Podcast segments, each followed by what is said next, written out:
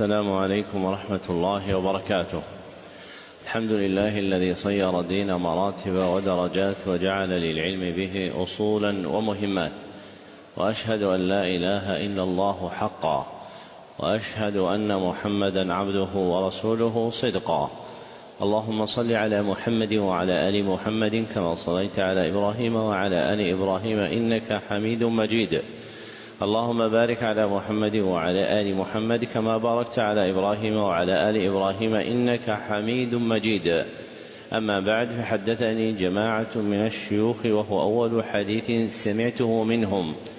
بإسناد كل إلى سفيان بن عيينة عن عمرو بن دينار عن أبي قابوس مولى عبد الله بن عمرو عن عبد الله بن عمرو بن العاص رضي الله عنهما عن رسول الله صلى الله عليه وسلم أنه قال الراحمون يرحمهم الرحمن ارحموا من في الأرض يرحمكم من في السماء.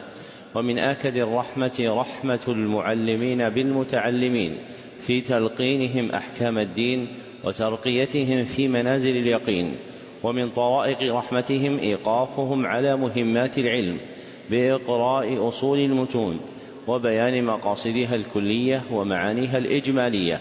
ليستفتح بذلك المبتدئون تلقيهم ويجد فيه المتوسطون ما يذكرهم ويطلع منه المنتهون إلى تحقيق مسائل العلم.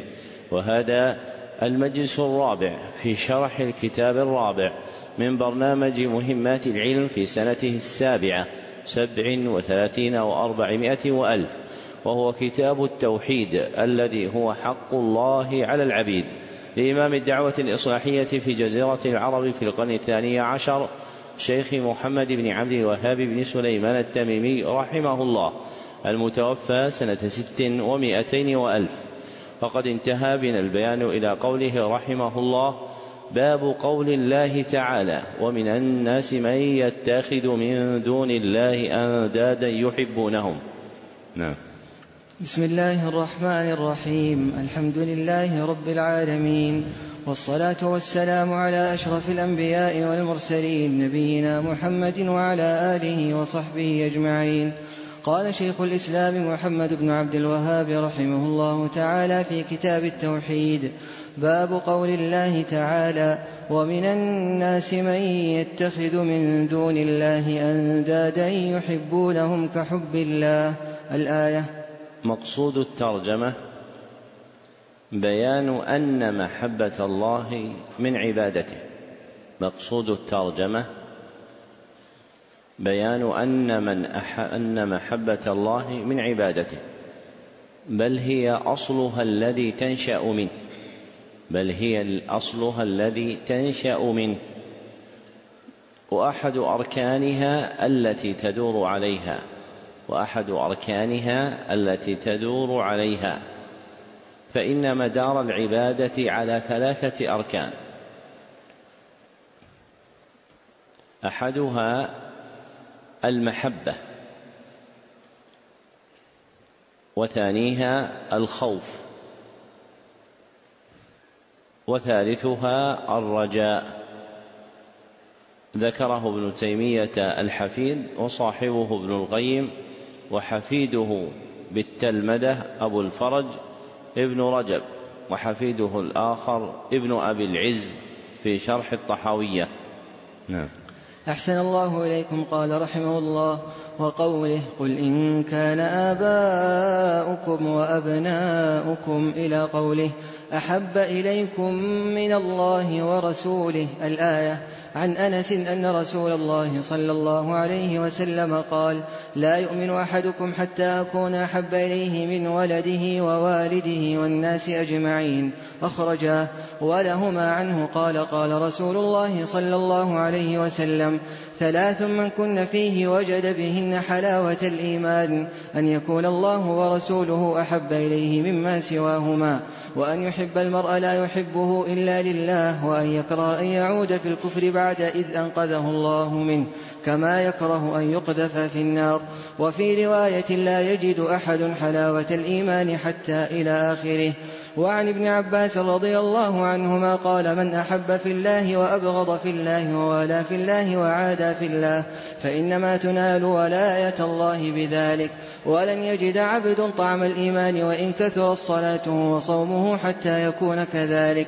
وقد صارت عامة مؤاخاة الناس على أمر الدنيا وذلك لا يجدي على أهله شيئا. رواه ابن جرير. وقال ابن عباس رضي الله عنهما في قوله تعالى وتقطعت بهم الأسباب قال المودة. ذكر المصنف رحمه الله لتحقيق مقصود الترجمة ستة أدلة. فالدليل الأول قوله تعالى ومن الناس من يتخذ من دون الله أندادا الآية. ودلالته على مقصود الترجمة من وجهين. أحدهما في قوله ومن الناس من يتخذ من دون الله أندادا يحبونهم كحب الله. فمن اتخذ لله ندا في محبته فقد وقع في الشرك.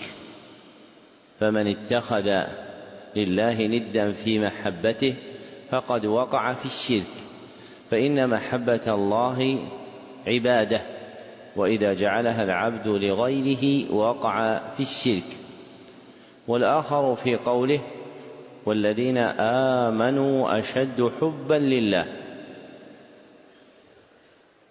فمدح المؤمنين بإخلاصهم محبتهم لله وحده. فمدح المؤمنين بإخلاصهم محبتهم لله وحده. فلم تؤله قلوبهم أحدا بالمحبة سواه. فلم تؤله قلوبهم أحدا بالمحبة سواه. والدليل الثاني قوله تعالى قل إن كان آباؤكم وأبناؤكم الآية. ودلالته على مقصود الترجمة ما فيه من الوعيد الشديد. ما فيه من الوعيد الشديد. في قوله فتربصوا حتى يأتي الله بأمره. في قوله في الآية فتربصوا حتى يأتي الله بأمره. لمن قدم محبة شيء من الأعيان. لمن قدم محبة شيء من الأعيان. كالآباء أو الأبناء أو الإخوان على محبة الله ومحبة رسوله صلى الله عليه وسلم والجهاد في سبيله. فالمحبة لا تكون إلا لله وحده ومحبة ما يحبه من محبته ومحبة ما يحبه من محبته. فذكر محبة الرسول صلى الله عليه وسلم والجهاد في الآية باعتبار كونهما مندرجان في محبة الله.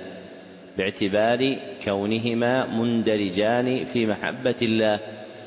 والدليل الثالث حديث أنس رضي الله عنه أن رسول الله صلى الله عليه وسلم قال لا يؤمن أحدكم.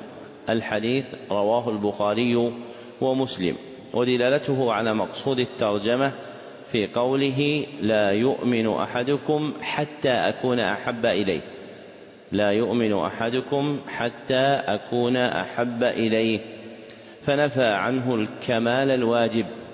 فنفى عنه الكمال الواجب. ولا ينفى الإيمان. فنفى عنه كمال الإيمان. فنفى عنه كمال الإيمان. ولا ينفى كمال الإيمان. الواجب إلا على إلا على من إلا عما من واقع محرما أو ترك واجبا. ولا ينفى كمال الإيمان الواجب إلا على من واقع محرما أو ترك واجبا.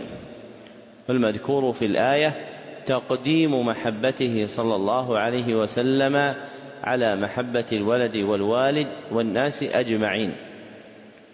ومحبته صلى الله عليه وسلم هي من محبة الله لأنه هو الذي أمرنا بها.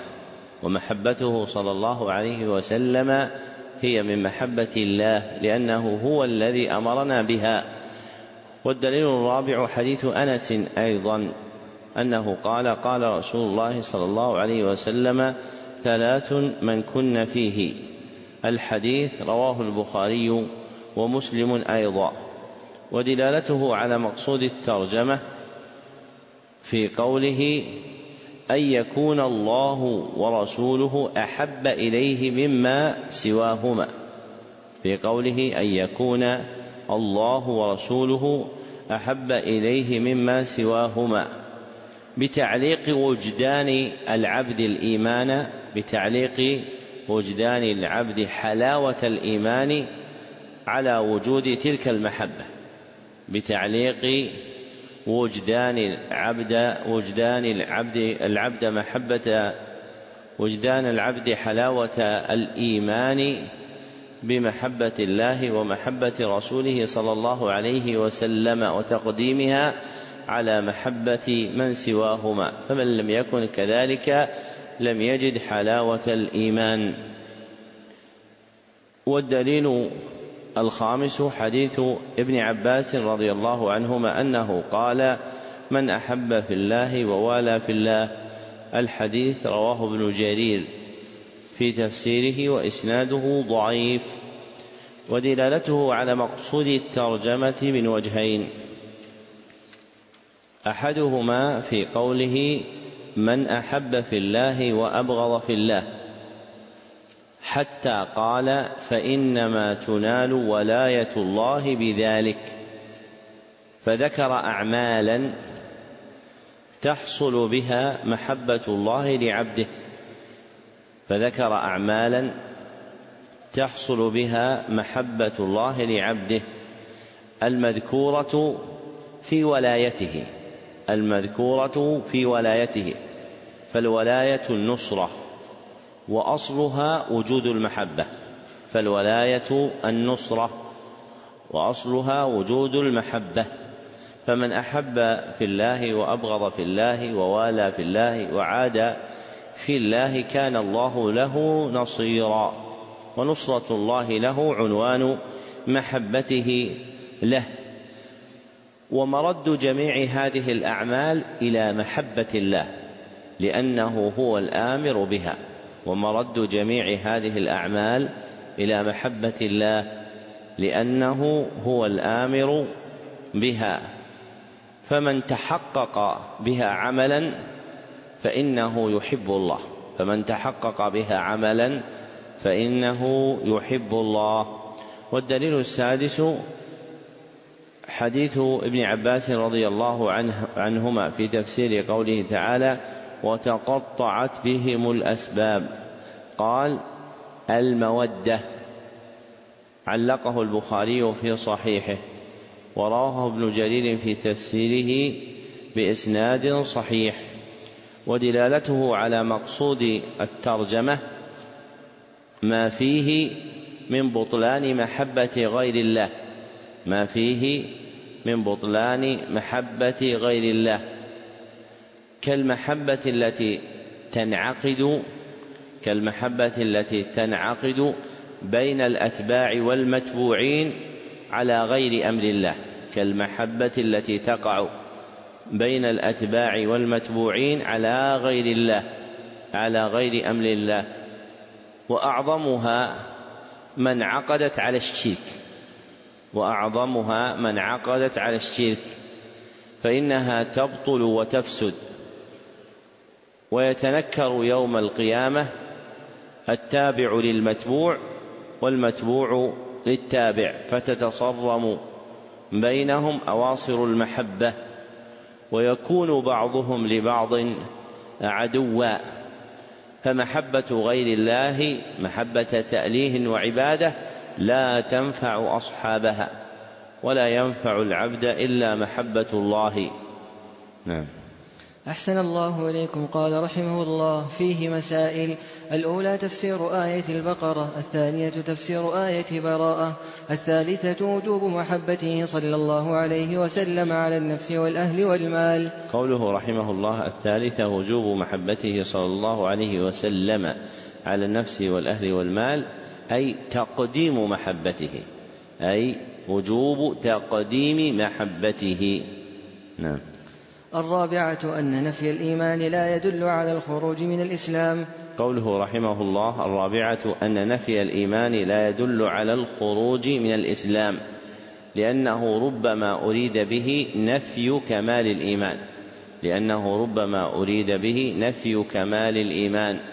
فلا يخرج به العبد من الإسلام.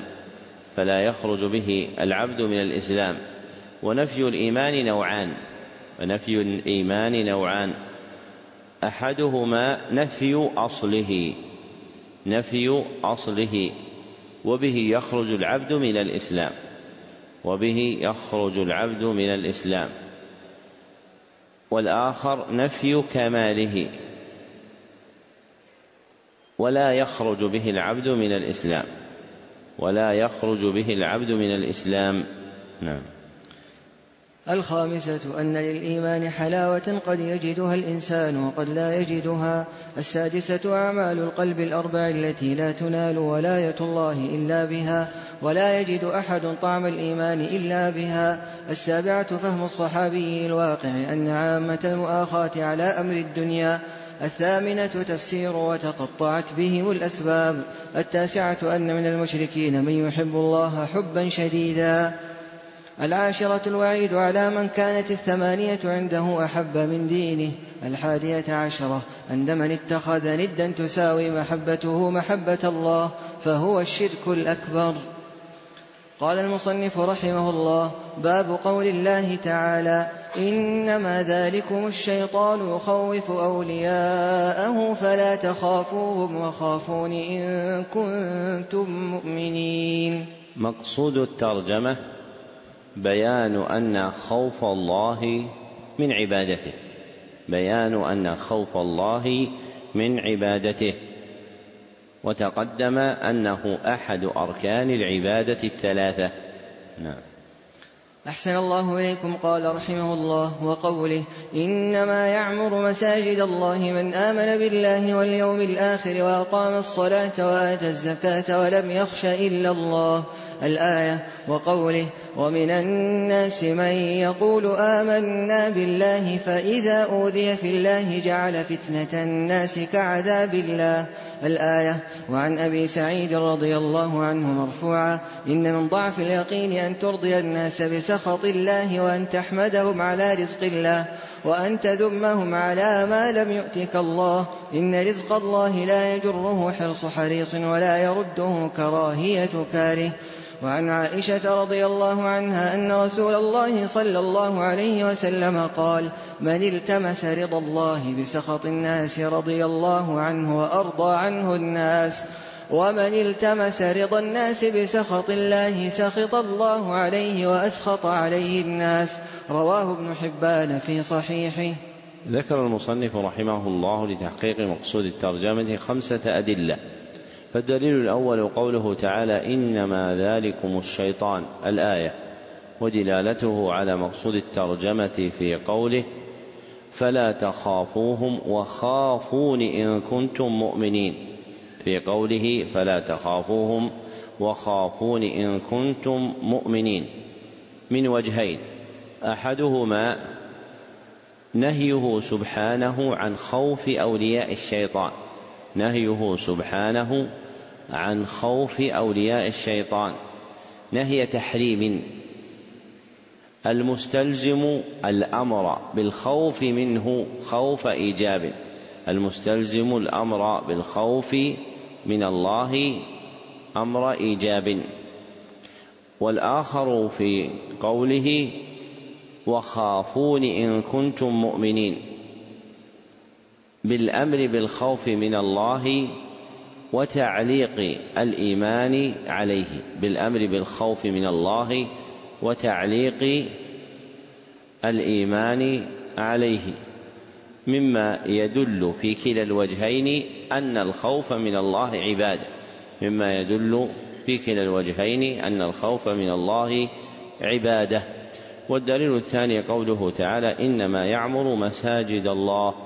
الآية ودلالته على مقصود الترجمة في قوله ولم يخش إلا الله. في قوله ولم يخش إلا الله. والخشية يستكن فيها الخوف. والخشية يستكن أي يوجد فيها الخوف. فإنها خوف مقرون بعلم. فإنها خوف مقرون بعلم. وقد ذكرها الله مدحا للمؤمنين من عامر المساجد. وقد ذكرها الله مدحا للمؤمنين من عامر المساجد. ومدح الفاعل دليل على مدح فعله. فالخوف من الله عبادة له سبحانه.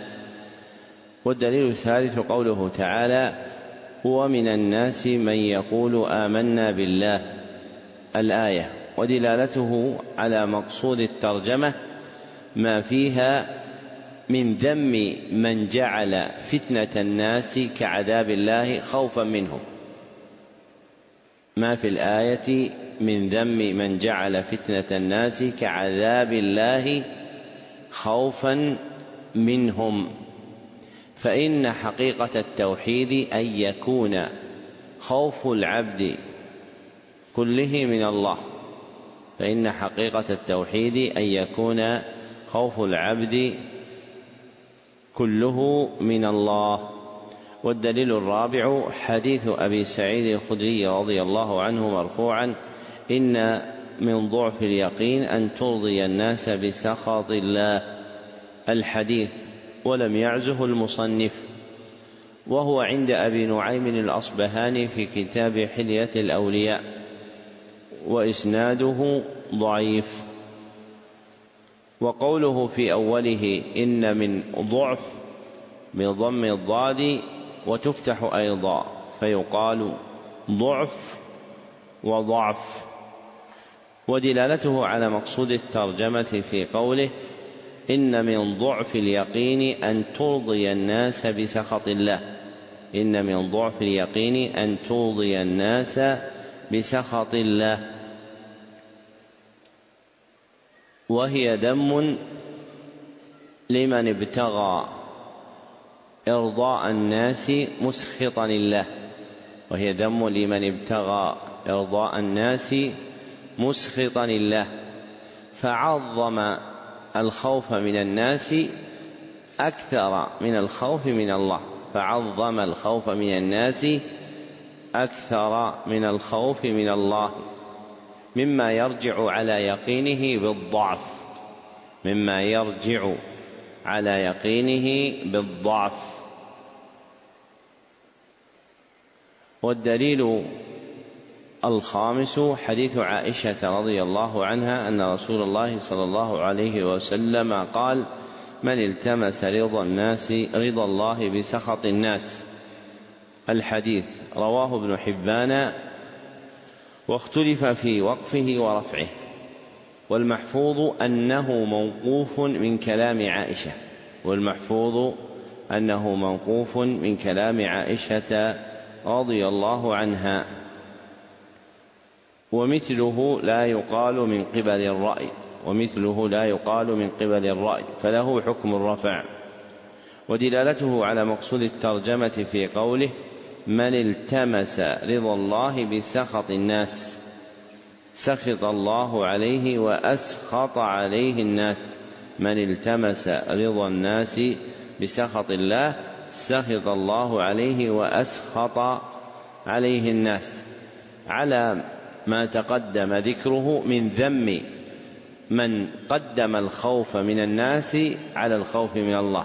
على ما تقدم ذكره من ذم من قدم الخوف من الناس على الخوف من الله.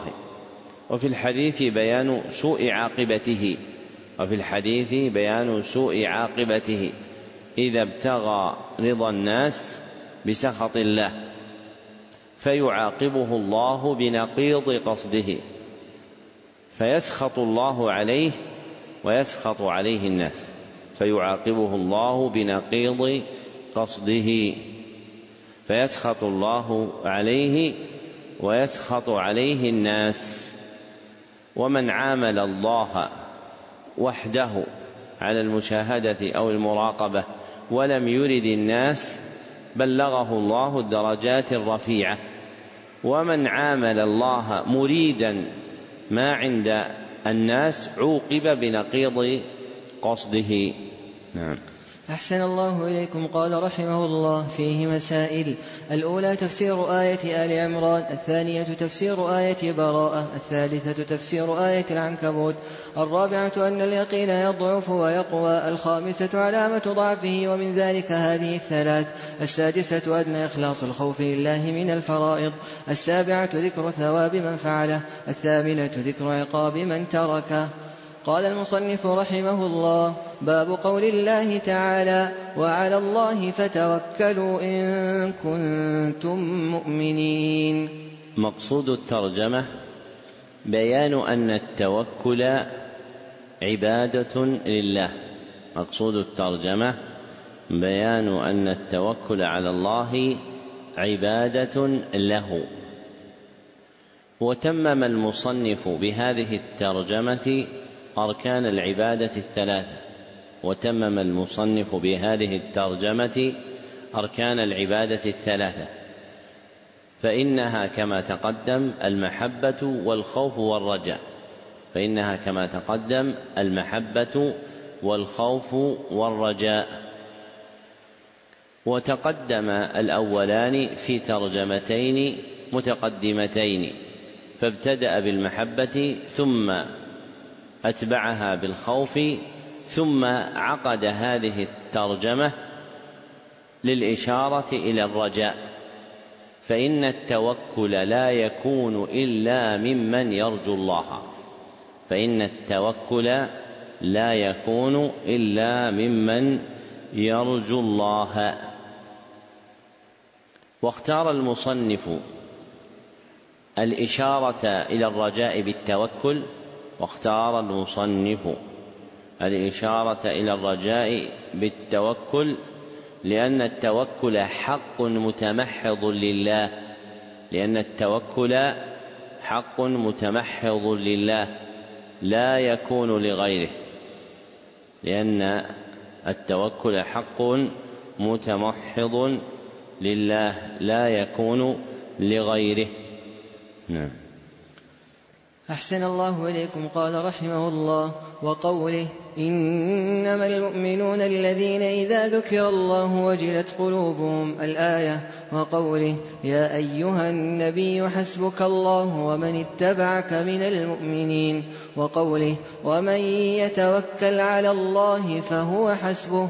عن ابن عباس رضي الله عنهما قال حسبنا الله ونعم الوكيل. قالها إبراهيم عليه السلام حين ألقي في النار وقالها محمد صلى الله عليه وسلم حين قالوا إن الناس قد جمعوا لكم فاخشوهم فزادهم إيمانا وقالوا حسبنا الله ونعم الوكيل. رواه البخاري. ذكر المصنف رحمه الله لتحقيق مقصود الترجمة خمسة أدلة فالدليل الأول قوله تعالى وعلى الله فتوكلوا إن كنتم مؤمنين ودلالته على مقصود الترجمة في تعليق الإيمان على التوكل على الله. في تعليق الإيمان على التوكل على الله. فمن توكل عليه فهو مؤمن به. فمن توكل عليه فهو مؤمن به. فالتوكل عبادة مما يحصل به الإيمان بالله. فالتوكل عبادة مما يحصل به الإيمان بالله. والدليل الثاني قوله تعالى إنما المؤمنون الذين ذكر إنما المؤمنون الذين إذا ذكر الله الآية. ودلالته على مقصود الترجمة في تمامها وعلى ربهم يتوكلون. فذكر التوكل صفة من صفات الممدوحين من المؤمنين. فذكر التوكل صفة ممدوحة من صفات المؤمنين وما مدحه الله عز وجل من أفعال العاملين فهو عبادة وما مدحه الله عز وجل من أفعال العاملين فهو عبادة فالتوكل على الله عبادة. والدليل الثالث قوله تعالى يا أيها النبي حسبك الله الآية ودلالته على مقصود الترجمة في قوله حسبك الله أي كافيك. ودلالته على مقصود الترجمة في قوله حسبك الله أي كافيك. فإذا كان هو الكافي فإنه المستحق وحده للتوكل عليه. فإذا كان هو الكافي فإنه وحده هو المستحق للتوكل عليه. فذكر الكفاية في الآية إغراء للعبد بطلب توكله على الله. فذكر الكفاية في الآية إغراء أي دعوة للعبد بالتوكل على الله. والدليل الرابع قوله تعالى ومن يتوكل على الله فهو حسبه ودلالته على مقصود الترجمة من وجهين.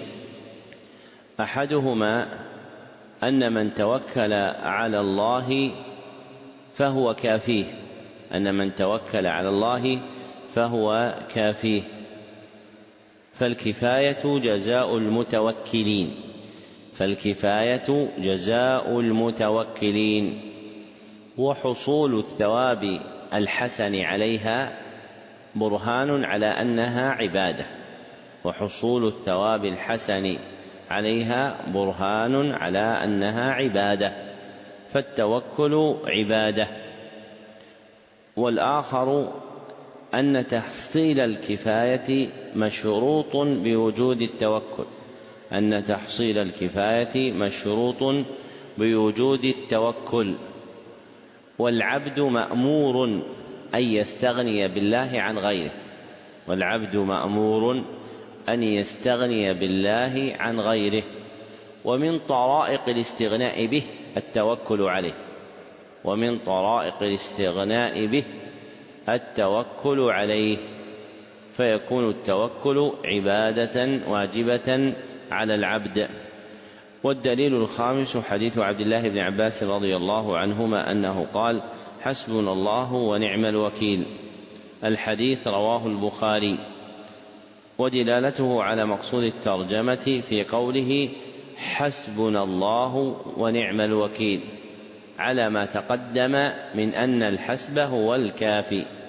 على ما تقدم من أن الحسب هو الكافي. فكون الله كذلك دعوة للعبد أن يتوكل عليه. فكون الله كذلك دعوة للعبد أن يتوكل عليه. ليحصل كفايته سبحانه. واضح؟ طيب. الآن يجري في كلام بعض الناس قولهم محسوبك فلان. ما حكمها؟ لا تجوز لأن الحسب هو الله الكافي هو الله. وقولهم محسوبك فلان أصلها كافيك فلان والكفاية لا تكون إلا بالله وحده. ولابن تيمية الحفيد في رسالة العبودية وصاحبه ابن القيم في صدر زاد المعاد ما يبين هذا المعنى في الحسب. نعم.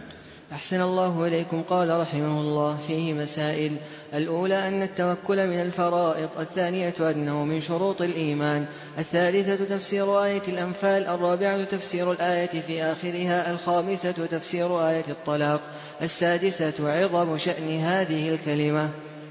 السابعة أنها قول إبراهيم عليه الصلاة والسلام ومحمد صلى الله عليه وسلم في الشدائد.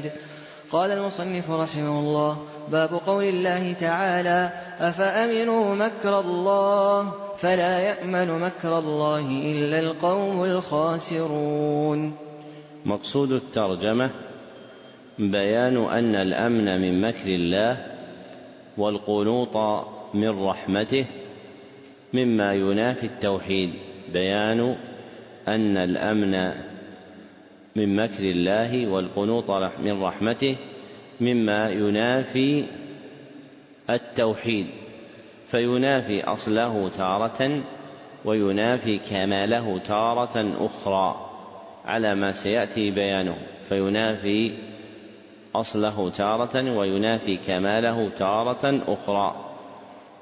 والأمن من مكر الله هو الإقامة هو الغفلة عن عقوبته مع الإقامة على معصيته.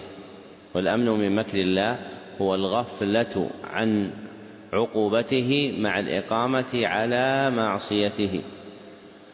والقنوط من رحمة الله هو تبعيد حصولها والفوز بها في حق العاصي. تبعيد حصولها والفوز بها في حق العاصي. والأمن من مكر الله نوعان. والأمن من مكر الله نوعان. أحدهما ما يقترن بزوال أصله. ما يقترن بزوال أصله. وهو الخوف من الله من القلب ما يقترن بزوال أصله وهو الخوف من الله من القلب. وهذا كفر أكبر وهذا كفر أكبر. والآخر ما يقترن بزوال كماله من القلب ما يقترن بزوال كماله من القلب. وهذا كفر أصغر. وهذا كفر أصغر. والأمن من مكر الله والقنوط من رحمة الله نوعان. أحدهما ما يقترن بزوال أصله وهو الرجاء من القلب. ما يقترن بزوال أصله وهو الرجاء من القلب. وهذا كفر أكبر. والآخر ما يقترن بزوال كماله من القلب. ما يقترن بزوال كماله من القلب. وهذا كفر أصغر. وهذا كفر أصغر. وبهذا التحرير يتبين لك أن كل واحد منهما ينافي أصل التوحيد تارة وينافي كماله تارة أخرى وبه يقع تفسير جملة في العقيدة الطحاوية أشكلت على من أشكلت عليه وهي قوله والأمن من مكر الله والقنوط من رحمة الله ينقلان عن ملة الإسلام. فإن وجه النقل في النوع الأول من كل وأما إذا لم يوجد المعنى المستكن فيهما فإن العبد لا يخرج من ملة الإسلام. نعم. أحسن الله إليكم. قال رحمه الله وقوله قال ومن يقنط من رحمة ربه إلا الضالون. وعن ابن عباس رضي الله عنهما أن رسول الله صلى الله عليه وسلم سئل عن الكبائر فقال الشرك بالله واليأس من روح الله والأمن من مكر الله. وعن ابن مسعود رضي الله عنه قال أكبر الكبائر الإشراك بالله والأمن من مكر الله والقنوط من رحمة الله واليأس من روح الله. رواه عبد الرزاق. ذكر المصنف رحمه الله لتحقيق مقصود الترجمة أربعة أدلة فالدليل الأول قوله تعالى أفأمنوا مكر الله؟ الآية ودلالته على مقصود الترجمة من وجهين أحدهما في قوله أفأمنوا مكر الله؟ فإنه استفهام استنكاري. فإنه استفهام استنكاري. يتضمن ذمهم على تلك الحال. يتضمن ذمهم على تلك الحال. وأن ما وقعوا فيه من مكر الله محرم. وأن ما وقعوا فيه من الأمن من مكر الله محرم. والآخر في قوله إلا القوم الخاسرون. فجعل الأمن من مكر الله سببا للخسران. فجعل الأمن من مكر الله سببا للخسران. وما كان سببا للخسران فهو محرم. ما كان سببا للخسران فهو محرم.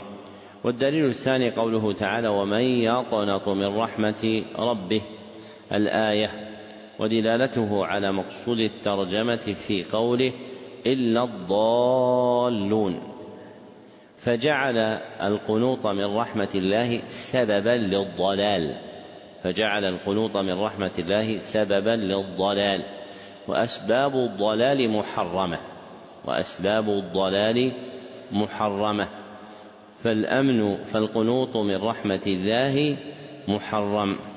والدليل الثالث حديث ابن عباس رضي الله عنهما أن رسول الله صلى الله عليه وسلم سئل عن الكبائر الحديث ولم يعزه المصنف وهو عند الطبراني في الكبير في المعجم الكبير والبزار في مسنده وإسناده حسن ودلالته على مقصود الترجمة في قوله واليأس من روح الله والأمن من مكر الله فعدهما من الكبائر فعدهما من الكبائر وهي المحرمات المعظمة.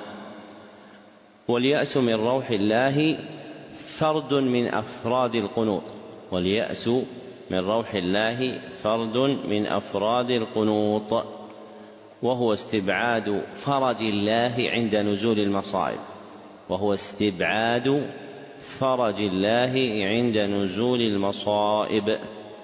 والدليل الرابع حديث ابن مسعود رضي الله عنه أنه قال أكبر الكبائر الإشراك بالله. الحديث رواه عبد الرزاق في مصنفه وإسناده صحيح ودلالته على مقصود الترجمة في قوله والأمن من مكر الله والقنوط من رحمة الله. واليأس من روح الله على ما تقدم بيانه من أن عدهن كبائر يفيد أنهن من المحرمات أشد التحريم. نعم. أحسن الله إليكم. قال رحمه الله فيه مسائل. الأولى تفسير آية الأعراف الثانية تفسير آية الحجر الثالثة شدة الوعيد في من أمن مكر الله الرابعة شدة الوعيد في القنوط. قال المصنف رحمه الله باب من الإيمان بالله الصبر على أقدار الله. مقصود الترجمة بيان أن الصبر على أقدار الله من الإيمان به. بيان أن الصبر على أقدار الله من الإيمان به وأنه من كمال التوحيد وأنه من كمال التوحيد وأن ضده من السخط والجزع ينافي كمال التوحيد وأن ضده من الجزع والسخط ينافي كمال التوحيد. نعم. أحسن الله إليكم. قال رحمه الله وقول الله تعالى ومن يؤمن بالله يهد قلبه. قال علقمة هو الرجل تصيبه المصيبة فيعلم أنها من عند الله فيرضى ويسلم. وفي صحيح مسلم عن أبي هريرة رضي الله عنه أن رسول الله صلى الله عليه وسلم قال اثنتان في الناس هما بهم كفر الطعن في النسب والنياحة على الميت ولهما عن ابن مسعود رضي الله عنه مرفوعا ليس منا من ضرب الخدود وشق الجيوب ودعا بدعوى الجاهلية. وعن أنس رضي الله عنه أن رسول الله صلى الله عليه وسلم قال إذا أراد الله بعبده الخير عجل له العقوبة في الدنيا وإذا أراد بعبده الشر أمسك عنه بذنبه حتى يوافي به يوم القيامة. وقال النبي صلى الله عليه وسلم إن عظم الجزاء مع عظم البلاء وإن الله تعالى إذا أحب قوما ابتلاهم فمن رضي فله الرضا ومن سخط فله السخط حسنه الترمذي. ذكر المصنف رحمه الله لتحقيق مقصود الترجمة خمسة أدلة. فالدليل الأول قوله تعالى ومن يؤمن بالله يهد قلبه. ودلالته على مقصود الترجمة في مدح المؤمن في مدح المؤمن المسلم بالمصيبة الصابر عليها المسلم بالمصيبة الصابر عليها بحصول الهداية لقلبه بحصول الهداية لقلبه.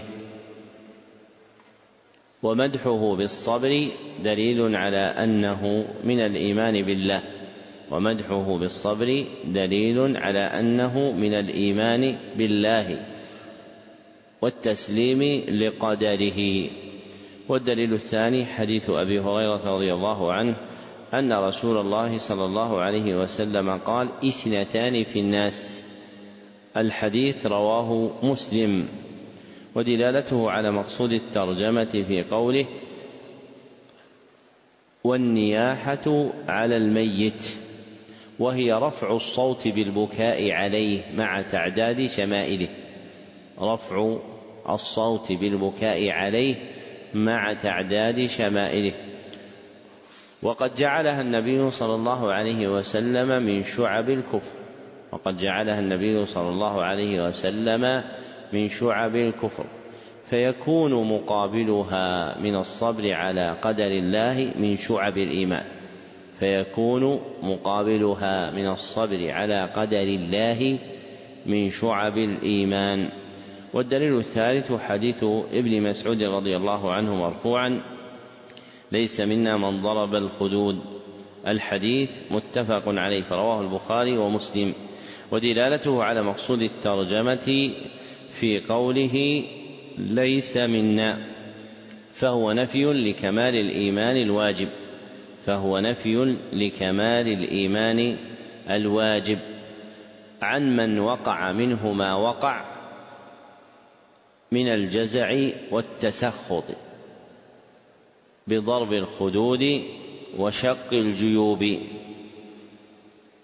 فيكون مقابله من التسليم لقدر الله من الإيمان به. فيكون مقابله من التسليم لقدر الله من الإيمان به. والجيوب جمع جيب وهو موضع دخول الرأس من القميص.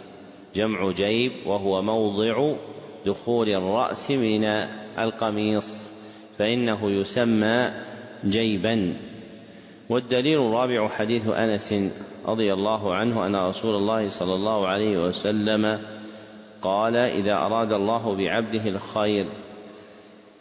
الحديث رواه الترمذي وإسناده حسن. ودلالته على مقصود الترجمة في قوله عجل له العقوبة في الدنيا. عجل له العقوبة في الدنيا. أي عاقبه على ذنبه أي عاقبه على ذنبه فيها. ثم رزقه الصبر على ما وقع فيه من البلاء. ثم رزقه الصبر على ما وقع فيه من البلاء. فالخير هنا مركب من أمرين. فالخير هنا مركب من أمرين.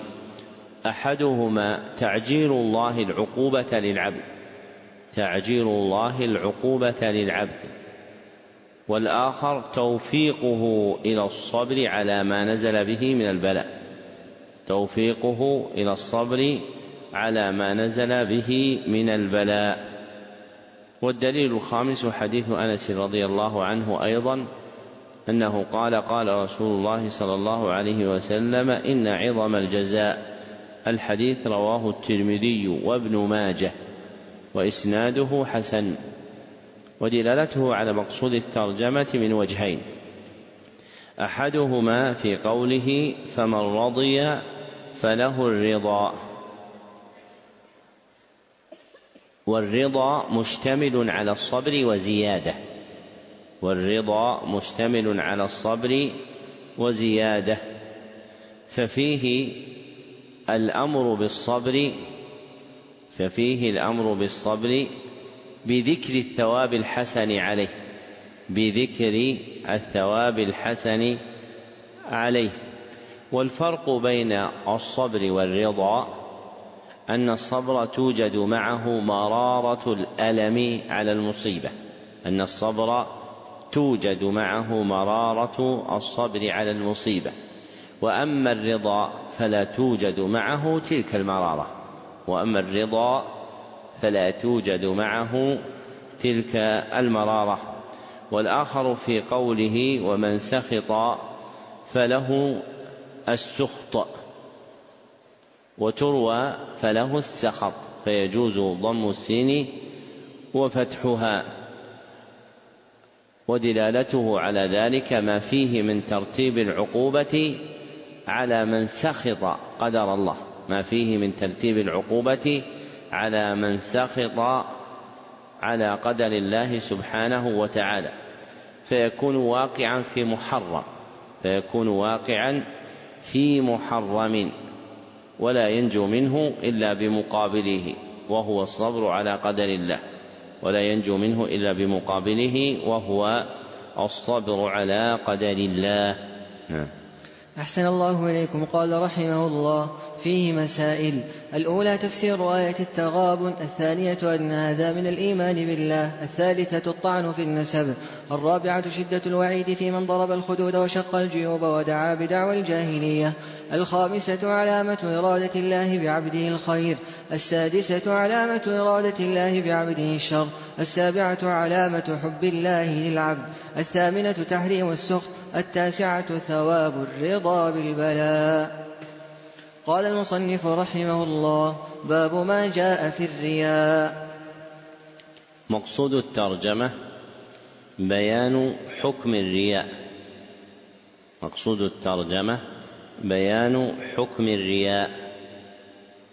وهو إظهار العبد عمله ليراه الناس فيحمدوه عليه. إظهار العبد عمله ليراه الناس فيحمدوه عليه. والرياء نوعان. أحدهما رياء في أصل الإيمان. رياء في أصل الإيمان. بإظهار الإسلام وإبطان الكفر. بإظهار الإسلام وإبطان الكفر. ليراه الناس فيعدوه مسلما ليراه الناس فيعدوه مسلما وهذا شرك أكبر مناف أصل التوحيد وهذا شرك أكبر مناف أصل التوحيد والآخر رياء في كمال الإيمان رياء في كمال الإيمان بأن يظهر العبد شيئا من عمله بأن يظهر العبد شيئا من عمله. ليحمده الناس عليه ليحمده الناس عليه. وهذا شرك أصغر. وهذا شرك أصغر. والمراد منهما عند الإطلاق في خطاب الشرع هو الثاني. والمراد منهما عند الإطلاق في خطاب الشرع هو الثاني. نعم. أحسن الله إليكم. قال رحمه الله وقول الله تعالى قل إنما أنا بشر مثلكم يوحى إلي أنما إلهكم إله واحد. الآية وعن أبي هريرة رضي الله عنه مرفوعا قال الله تعالى أنا أغنى الشركاء عن الشرك. من عمل عملا أشرك معي فيه غيري تركته وشركه. رواه مسلم. وعن أبي سعيد رضي الله عنه مرفوعا ألا أخبركم بما هو أخوف عليكم عندي من المسيح الدجال؟ قالوا بلى يا رسول الله. قال الشرك الخفي يقوم الرجل فيزين صلاته. لما يرى من نظر رجل. رواه أحمد. ذكر المصنف رحمه الله لتحقيق مقصود الترجمة ثلاثة أدلة. فالدليل الأول قوله تعالى قل إنما أنا بشر مثلكم الآية. ودلالته على مقصود الترجمة من أربعة وجوه. أحدها في قوله إنما أنا بشر مثلكم. فالوصف بالبشرية يتضمن إبطال ملك أحد من الخلق شيئا من الربوبية. فالوصف بالبشرية يتضمن إبطال ملك أحد من الخلق شيئا من الربوبية أو استحقاق الألوهية فملاحظة البشر لا تعود على العبد بنفع فملاحظة البشر لا تعود على العبد بنفع لأنهم لا يملكون شيئا. وثانيها في قوله إنما إلهكم إله واحد. وحقيقة تأليهه ألا يكون في القلب قصد سواه. وحقيقة تأليهه ألا يكون في القلب قصد سواه. ففيه إبطال الرياء لما فيه من إرادة حمد الناس. ففيه إبطال الرياء لما فيه من إرادة حمد الناس. وثالثها في قوله فليعمل عملا صالحا. ثالثها في قوله فليعمل عملا صالحا. إذ العمل الصالح المأمور به لا يكون كذلك إلا بالإخلاص. إذ العمل الصالح المأمور به لا يكون كذلك إلا بالإخلاص. ففيه إبطال الرياء ففيه إبطال الرياء لأنه لا يوافق حقيقة العمل الصالح لأنه لا يوافق حقيقة العمل الصالح. ورابعها في قوله ولا يشرك بعبادة ربه أحدا ولا يشرك بعبادة ربه أحدا فإنه نهي عن الشرك والرياء من جملته فإنه نهي عن الشرك والرياء من جملته. فعند الحاكم بسند حسن عن شداد بن أوس رضي الله عنه أنه قال كنا نعد الرياء على عهد رسول الله صلى الله عليه وسلم من الشرك الأصغر. كنا نعد الرياء على عهد رسول الله صلى الله عليه وسلم من الشرك الأصغر. والدليل الثاني حديث أبي هريرة رضي الله عنه مرفوعا قال الله تعالى أنا أغنى الشركاء. الحديث رواه مسلم. ودلالته على مقصود الترجمة في قوله أشرك معي فيه غيري. فهذا وصف الرياء. فهذا وصف الرياء. لأن المرائي يقصد بعمله الله وغيره. لأن المرائي يقصد بعمله الله وغيره فيجعل لله شريكا فيبطل عمله بذلك فيبطل عمله بذلك. لقوله في الحديث تركته وشركه تركته وشركه أي أبطلت عمله. والدليل الثالث حديث أبي سعيد الخدري رضي الله عنه مرفوعا ألا أخبركم بما هو أخوف عليكم عندي من المسيح الدجال؟ الحديث رواه أحمد وهو عند ابن ماجه فالعزو إليه أولى. وإسناده ضعيف. وله شاهد من حديث محمود من حديث محمود بن لبيد رضي الله عنه عند ابن خزيمة وإسناده صحيح. وله شاهد من حديث محمود بن لبيد عند ابن خزيمة وإسناده صحيح فيكون حديث الترجمة حديثا حسنا ودلالته على مقصود الترجمة في قوله الشرك الخفي يقوم الرجل فيصلي فيزين صلاته لما يرى من نظر رجل. فهذه حقيقة الرياء أن يحسن العبد عمله ابتغاء حمد حمد الناس له إذا اطلعوا على عمله. وقد جعله النبي صلى الله عليه وسلم شركا. ووصفه بالخفاء لعدم ظهوره فإن الرياء يكون في القلب. وصفه بالخفاء لعدم ظهوره فإن الرياء يكون في القلب. نعم. أحسن الله إليكم قال رحمه الله. فيه مسائل. الأولى تفسير آية الكهف الثانية هذا الأمر العظيم في رد العمل الصالح إذا دخله شيء لغير الله. الثالثة ذكر السبب الموجب لذلك وهو كمال الغنى.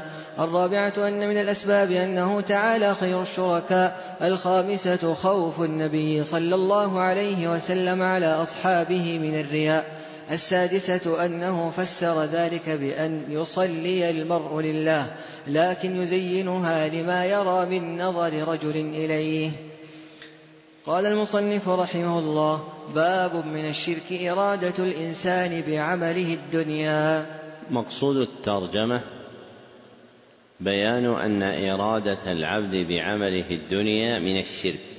بيان أن إرادة العبد بعمله الدنيا من الشرك والمراد بإرادته انجذاب روحه إليها وتعلق قلبه بها والمراد بإرادتها انجذاب روحه إليها وتعلق قلبه بها حتى يكون قصده من العمل إصابة حظه من الدنيا حتى يكون قصده من العمل إصابة حظه من الدنيا. وإرادة الإنسان بعمله الدنيا نوعان. وإرادة الإنسان بعمله الدنيا نوعان. أحدهما أن يريد الإنسان ذلك في جميع عمله. أن يريد الإنسان ذلك في جميع عمله. وهذا حال المنافقين وهذا حال المنافقين وهو متعلق بأصل الإيمان وهو متعلق بأصل الإيمان. فيكون شركا أكبر مخرجا من الإسلام. والآخر أن يريد أن يريد العبد ذلك في بعض عمله. أن يريد العبد ذلك في بعض عمله. وهذا شرك أصغر. وهذا شرك أصغر لا يخرج به العبد من الإسلام. أحسن الله إليكم. قال رحمه الله وقوله تعالى من كان يريد الحياة الدنيا وزينتها نوفي إليهم أعمالهم فيها.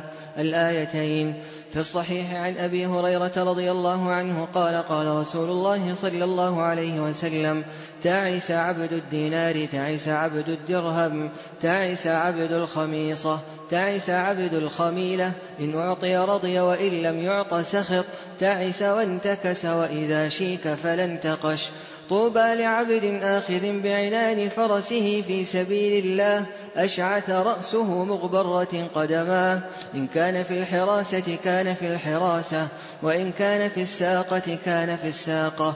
إن استأذن لم يؤذن له وإن شفع لم يشفع.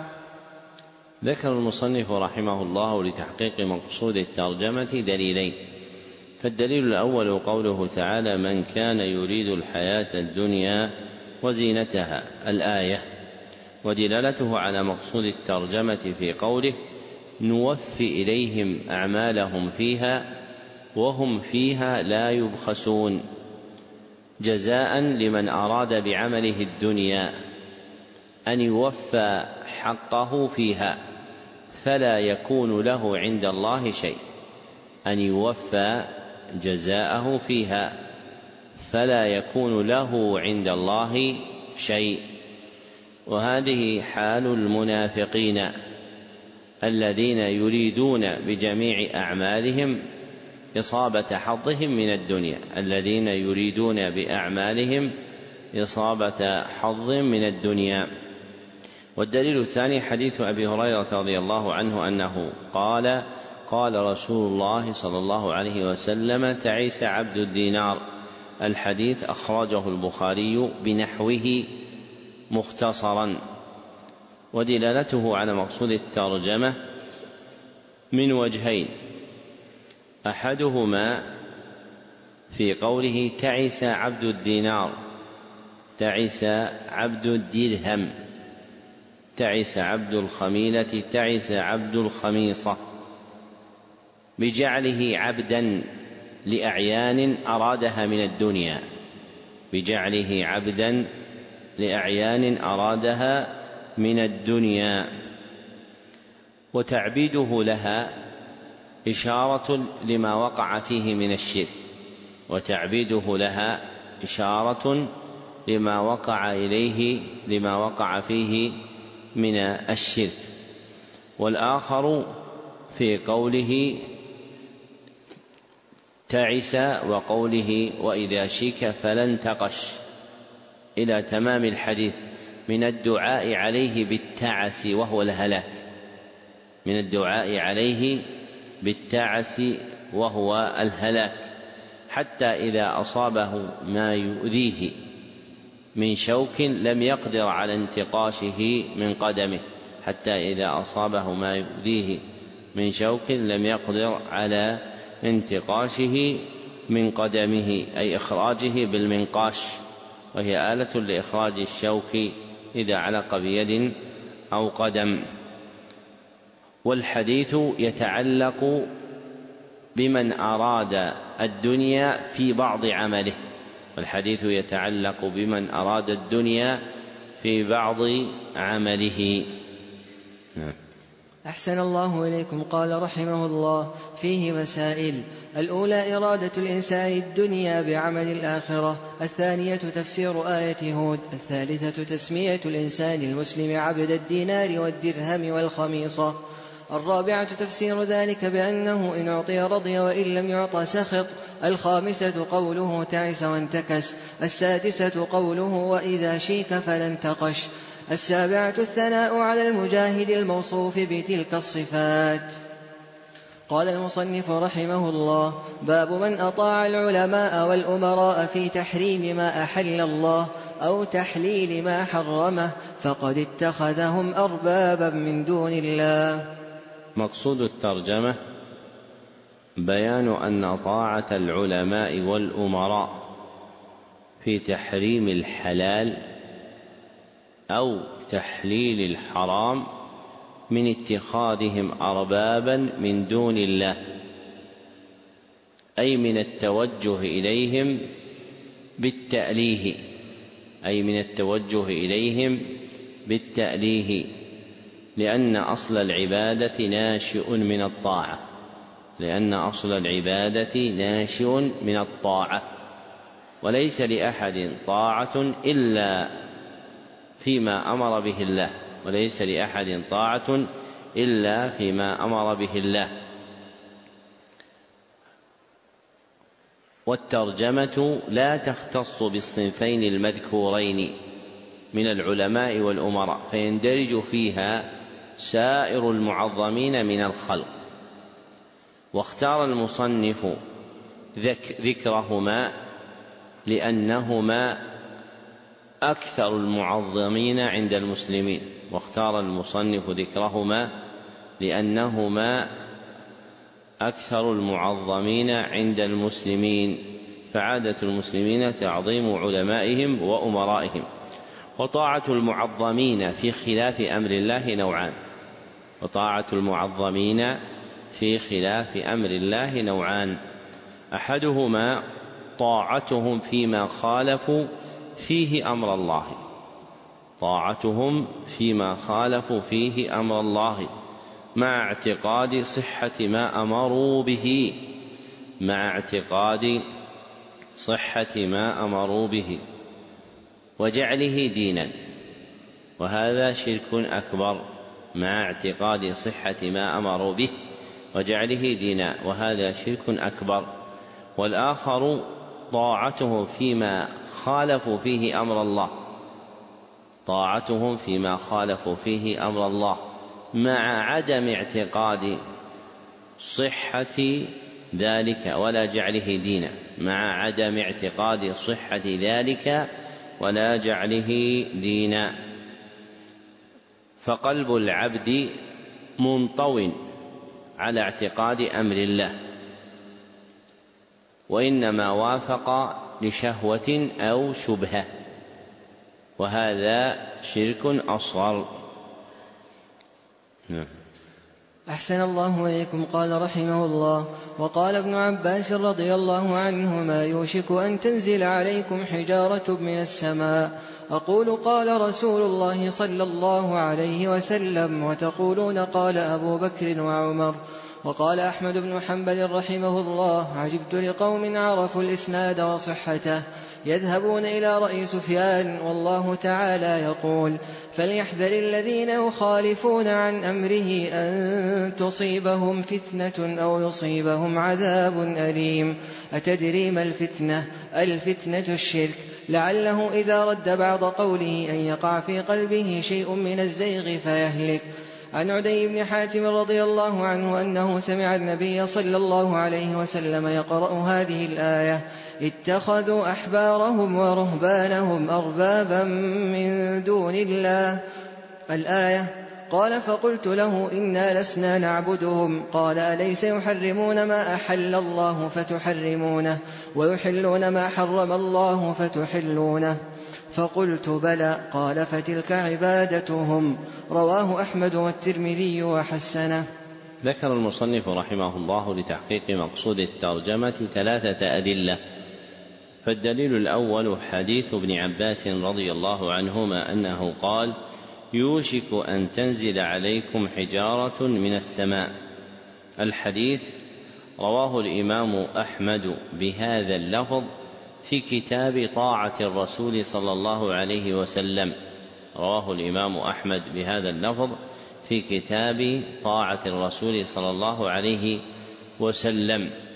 فإن ابن تيمية الحفيد رحمه الله ذكره بإسناده فقال وقال الإمام أحمد حدثنا عبد الرزاق قال أخبرنا معمر عن عبد الله بن طاووس عن أبيه عن ابن عباس رضي الله عنهما أنه قال يوشك.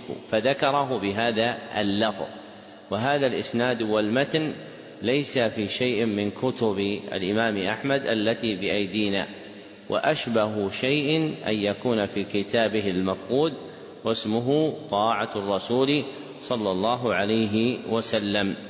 ودلالته على مقصود الترجمة في قوله يوشك أن تنزل عليكم حجارة من السماء أي عقوبة لكم على تقديم طاعة غير رسول الله صلى الله عليه وسلم على طاعته في تقديم طاعة غير الرسول صلى الله عليه وسلم على طاعته صلى الله عليه وسلم مما يدل على تحريم ذلك. وأنه لا يقدم على طاعة الله وطاعة رسوله صلى الله عليه وسلم طاعة أحد كائنا من كائن من كان. والدليل الثاني قوله تعالى فليحذر الذين يخالفون عن أمره الآية. ودلالته على مقصود الترجمة في قوله أن تصيبهم فتنة أو يصيبهم عذاب أليم وعيدا لمن خالف أمر النبي صلى الله عليه وسلم فقدم عليه طاعة غيره فقدم عليه طاعة غيره. وهؤلاء متوعدون بنوعين من الوعيد. أحدهما الفتنة وهو وهي الشرك كما فسرها الإمام أحمد. والآخر العذاب الأليم أي الشديد الموجع أي الشديد الموجع. فالأول في حق من وقع منه ما جره إلى الشرك. فالأول في حق ما وقع منه من طاعة غير الله ورسوله صلى الله عليه وسلم على خلاف أمرهما. والآخر ما لم يقع منه ذلك. فوافق في الظاهر على خلاف أمرهما مع اعتقاده أن الصحيح هو أمر الله وأمر رسوله صلى الله عليه وسلم فيكون قد وقع في أمر عظيم لا هين يتوعد عليه بالعذاب الأليم. والدليل الثالث حديث عدي بن حاتم رضي الله عنه أنه سمع النبي صلى الله عليه وسلم يقرأ. الحديث رواه أحمد والترمذي وإسناده ضعيف وله شواهد يحتمل بها التحسين. وقد حسنه ابن تيمية الحفيد في كتاب الإيمان ودلالته على مقصود الترجمة في قوله في قوله فتلك عبادتهم. ودلالته على مقصود الترجمة في قوله فتلك عبادتهم. حكما على من حر على طاعة من حرم الحلال أو أحل الحرام.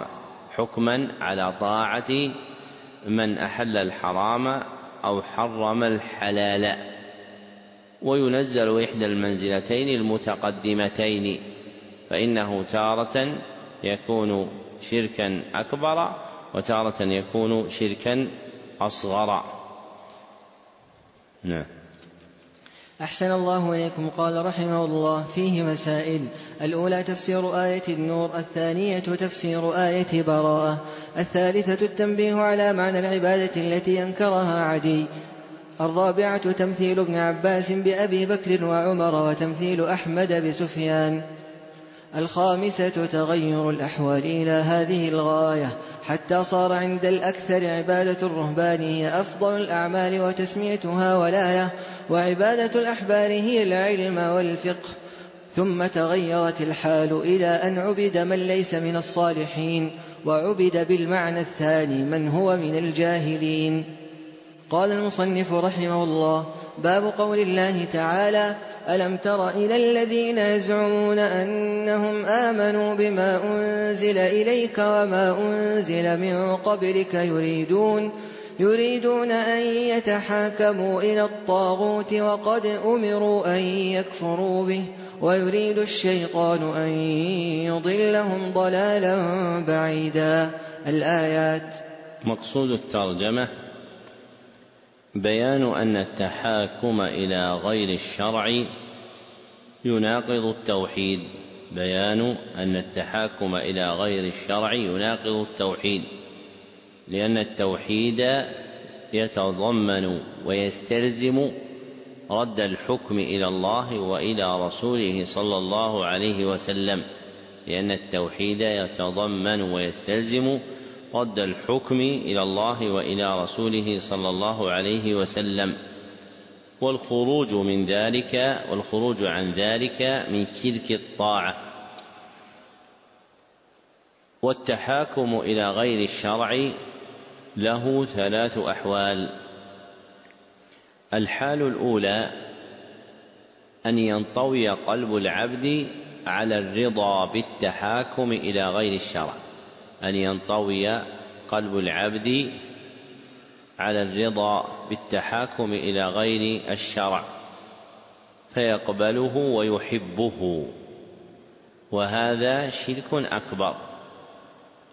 والحال الثانية أن لا يرضاه العبد ولا يحبه أن لا يرضاه العبد ولا يحبه لكنه وافق عليه لشهوة أو شبهة لكنه وافق عليه لشهوة أو شبهة وهذا شرك أصغر وهذا شرك أصغر. والحال الثالثة أن لا يرضاه العبد ولا يحبه ولا يجيب إليه اختيارا.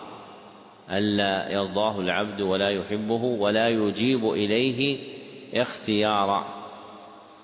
لكنه يضطر إليه ويكره عليه لاستيفاء حقه. لكنه يكره عليه ويضطر إليه لاستيفاء حقه.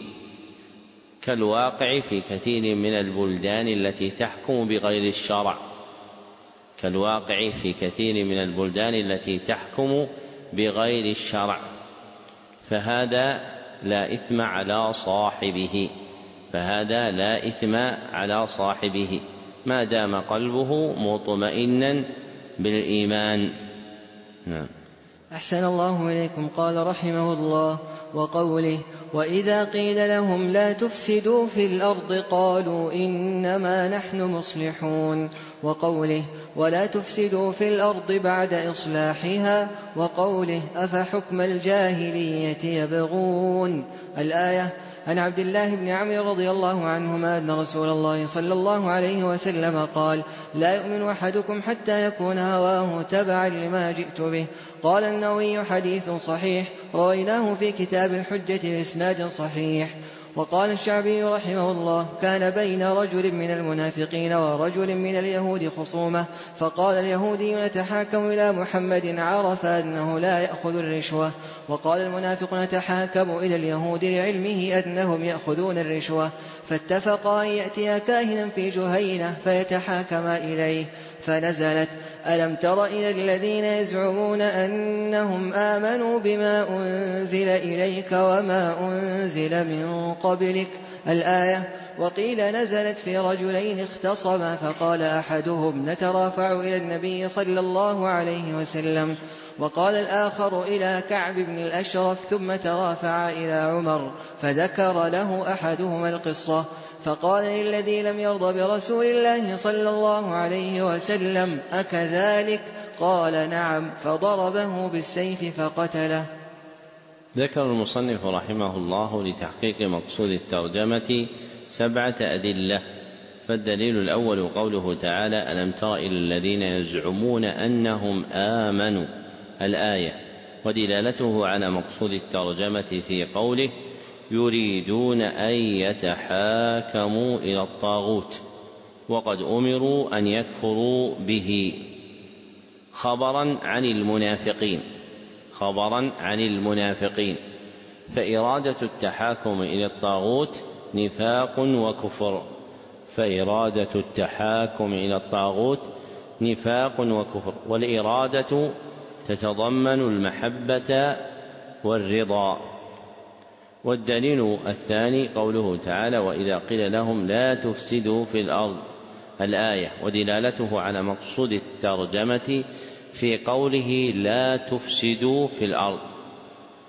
فمن الإفساد في الأرض المنهي عنه التحاكم إلى غير الشرع.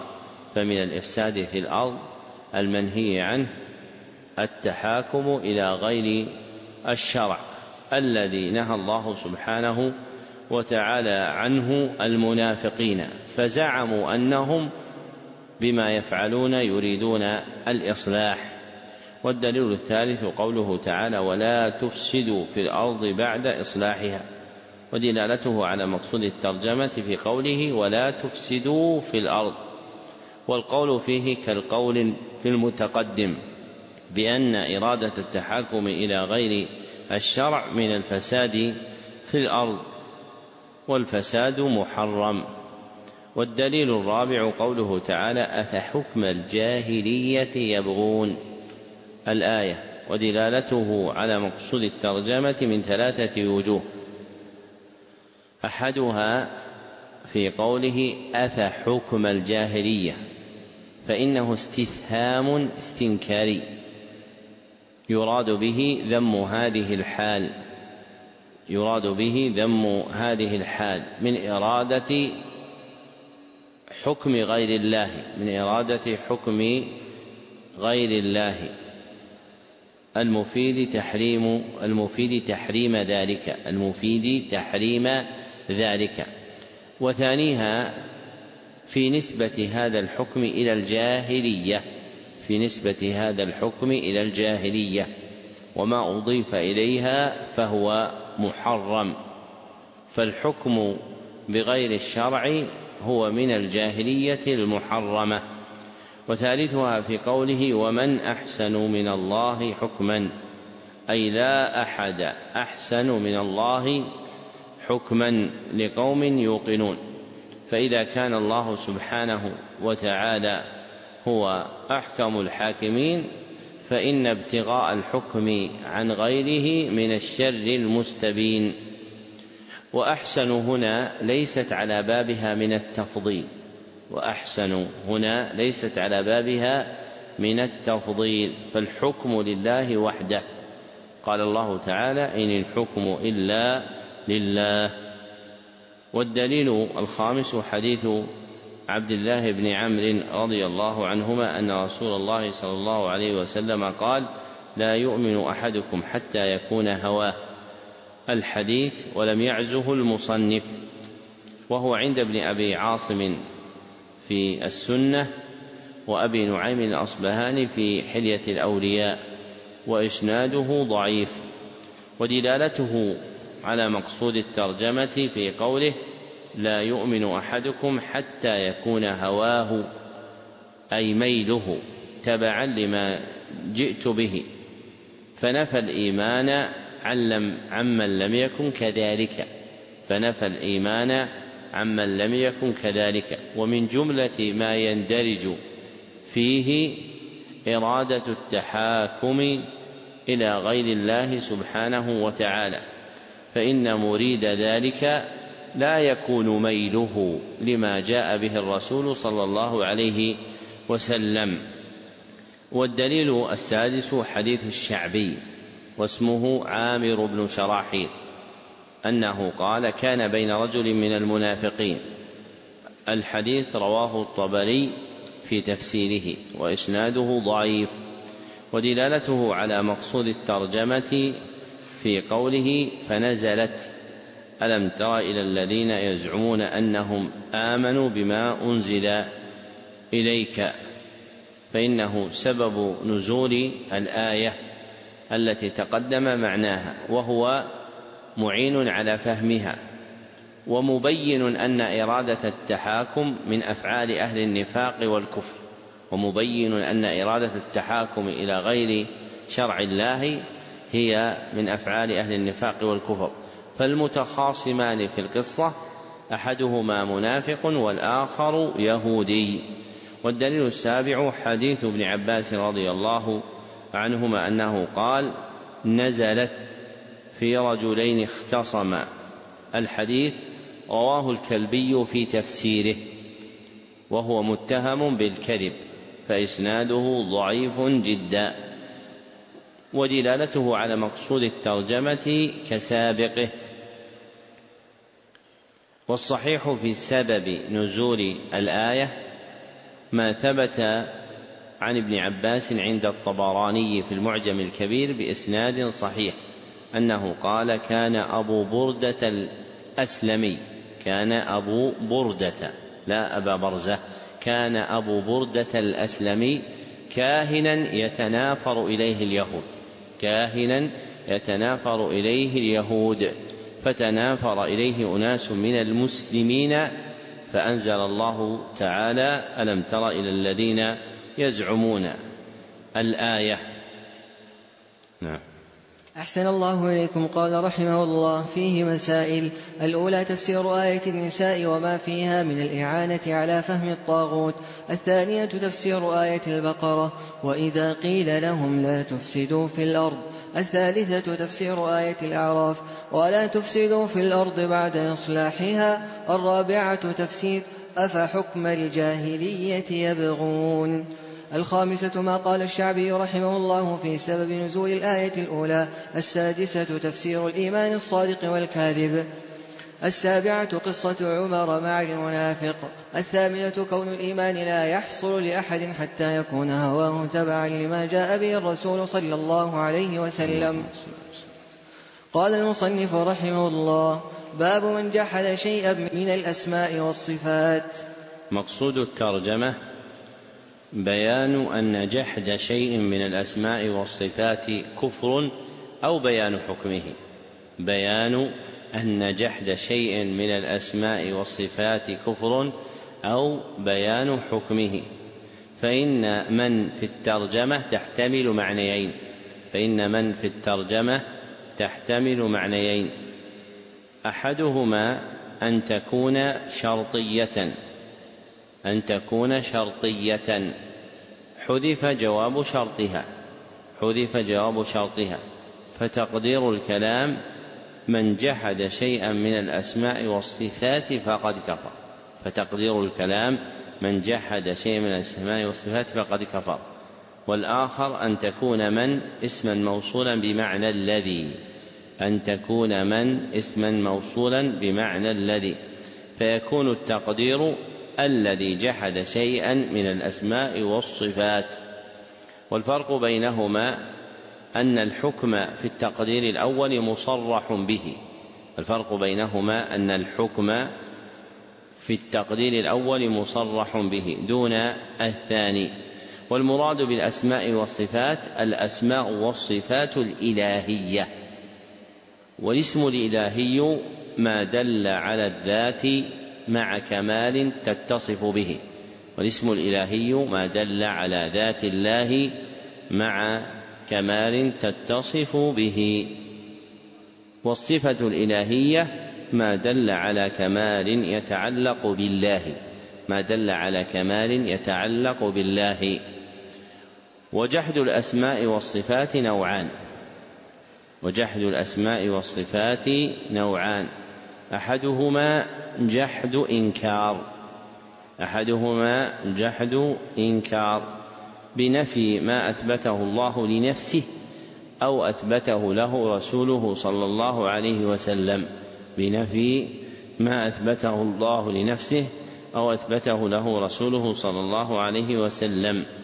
وهذا كفر أكبر. والآخر جحد تأويل. جحد تأويل. حامله شبهة دعت إلى التأويل دون الإنكار. حامله شبهة دعت دون الإنكار وهذا كفر أصغر. نعم. أحسن الله إليكم قال رحمه الله وقول الله تعالى وهم يكفرون بالرحمن. الآية وفي صحيح البخاري قال علي رضي الله عنه حدثوا الناس بما يعرفون تريدون أن يكذب الله ورسوله؟ وروى عبد الرزاق عن معمر عن ابن طاووس عن أبيه عن ابن عباس رضي الله عنهما أنه رأى رجلا انتفض لما سمع حديثا عن النبي صلى الله عليه وسلم في الصفات استنكارا لذلك فقال ما فرق هؤلاء؟ يجدون رقة عند محكمه ويهلكون عند متشابهه انتهى.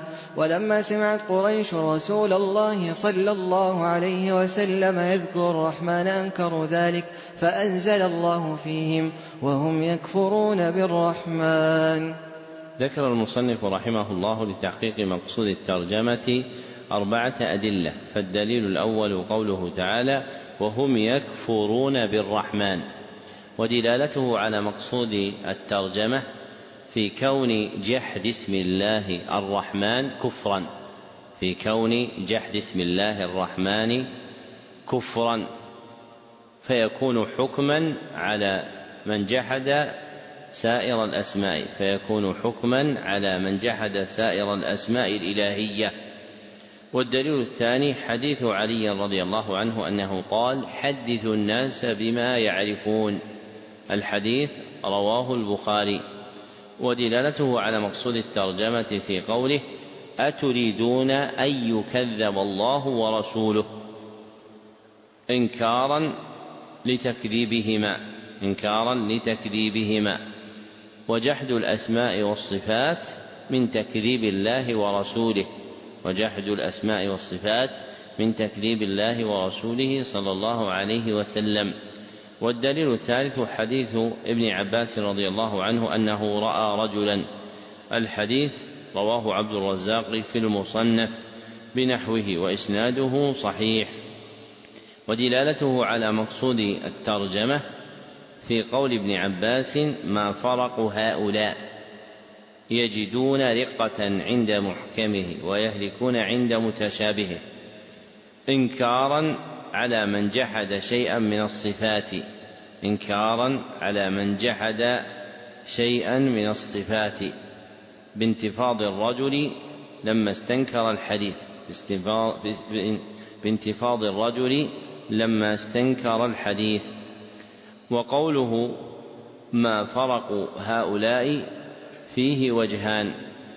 أحدهما أن يكون فرق اسما أي ما خوف هؤلاء. والآخر أن يكون فعلا مخففا أو مشددا. ما فرق هؤلاء أو ما فرق هؤلاء. أي لم يفرقوا بين الحق والباطل. والدليل الرابع حديث مجاهد رحمه الله في سبب نزول قوله تعالى وهم يكفرون بالرحمن. رواه ابن جرير في تفسيره وإسناده ضعيف ودلالته على مقصود الترجمة في نزول الآية على المعنى الذي ذكره وهو في معنى ما ذكرنا اولا من أن إنكار من أن جحد اسم الرحمن كفر فكذلك يكون جحد غيره من أسماء الله الثابتة في القرآن أو السنة النبوية بلا اختلاف بين أهل العلم. نعم. أحسن الله إليكم. قال رحمه الله فيه مسائل. الأولى عدم الإيمان بشيء من الأسماء والصفات. الثانية قوله رحمه الله عدم الإيمان بشيء من الأسماء والصفات. أي بسبب شيء يتعلق بالأسماء والصفات وهو جحدها. أي بسبب شيء يتعلق بالأسماء والصفات وهو جحدها فيعدم الإيمان به. نعم. الثانية تفسير آية الرعد الثالثة ترك التحديث بما لا يفهم السامع الرابعة ذكر العلة أنه يفضي إلى تكذيب الله ورسوله صلى الله عليه وسلم ولو لم يتعمد المنكر. الخامسة كلام ابن عباس رضي الله عنهما لمن استنكر شيئا من ذلك وأنه أهلكه وهذا آخر هذا المجلس والحمد لله رب العالمين. صلى الله وسلم على عبده ورسوله محمد وآله وصحبه أجمعين.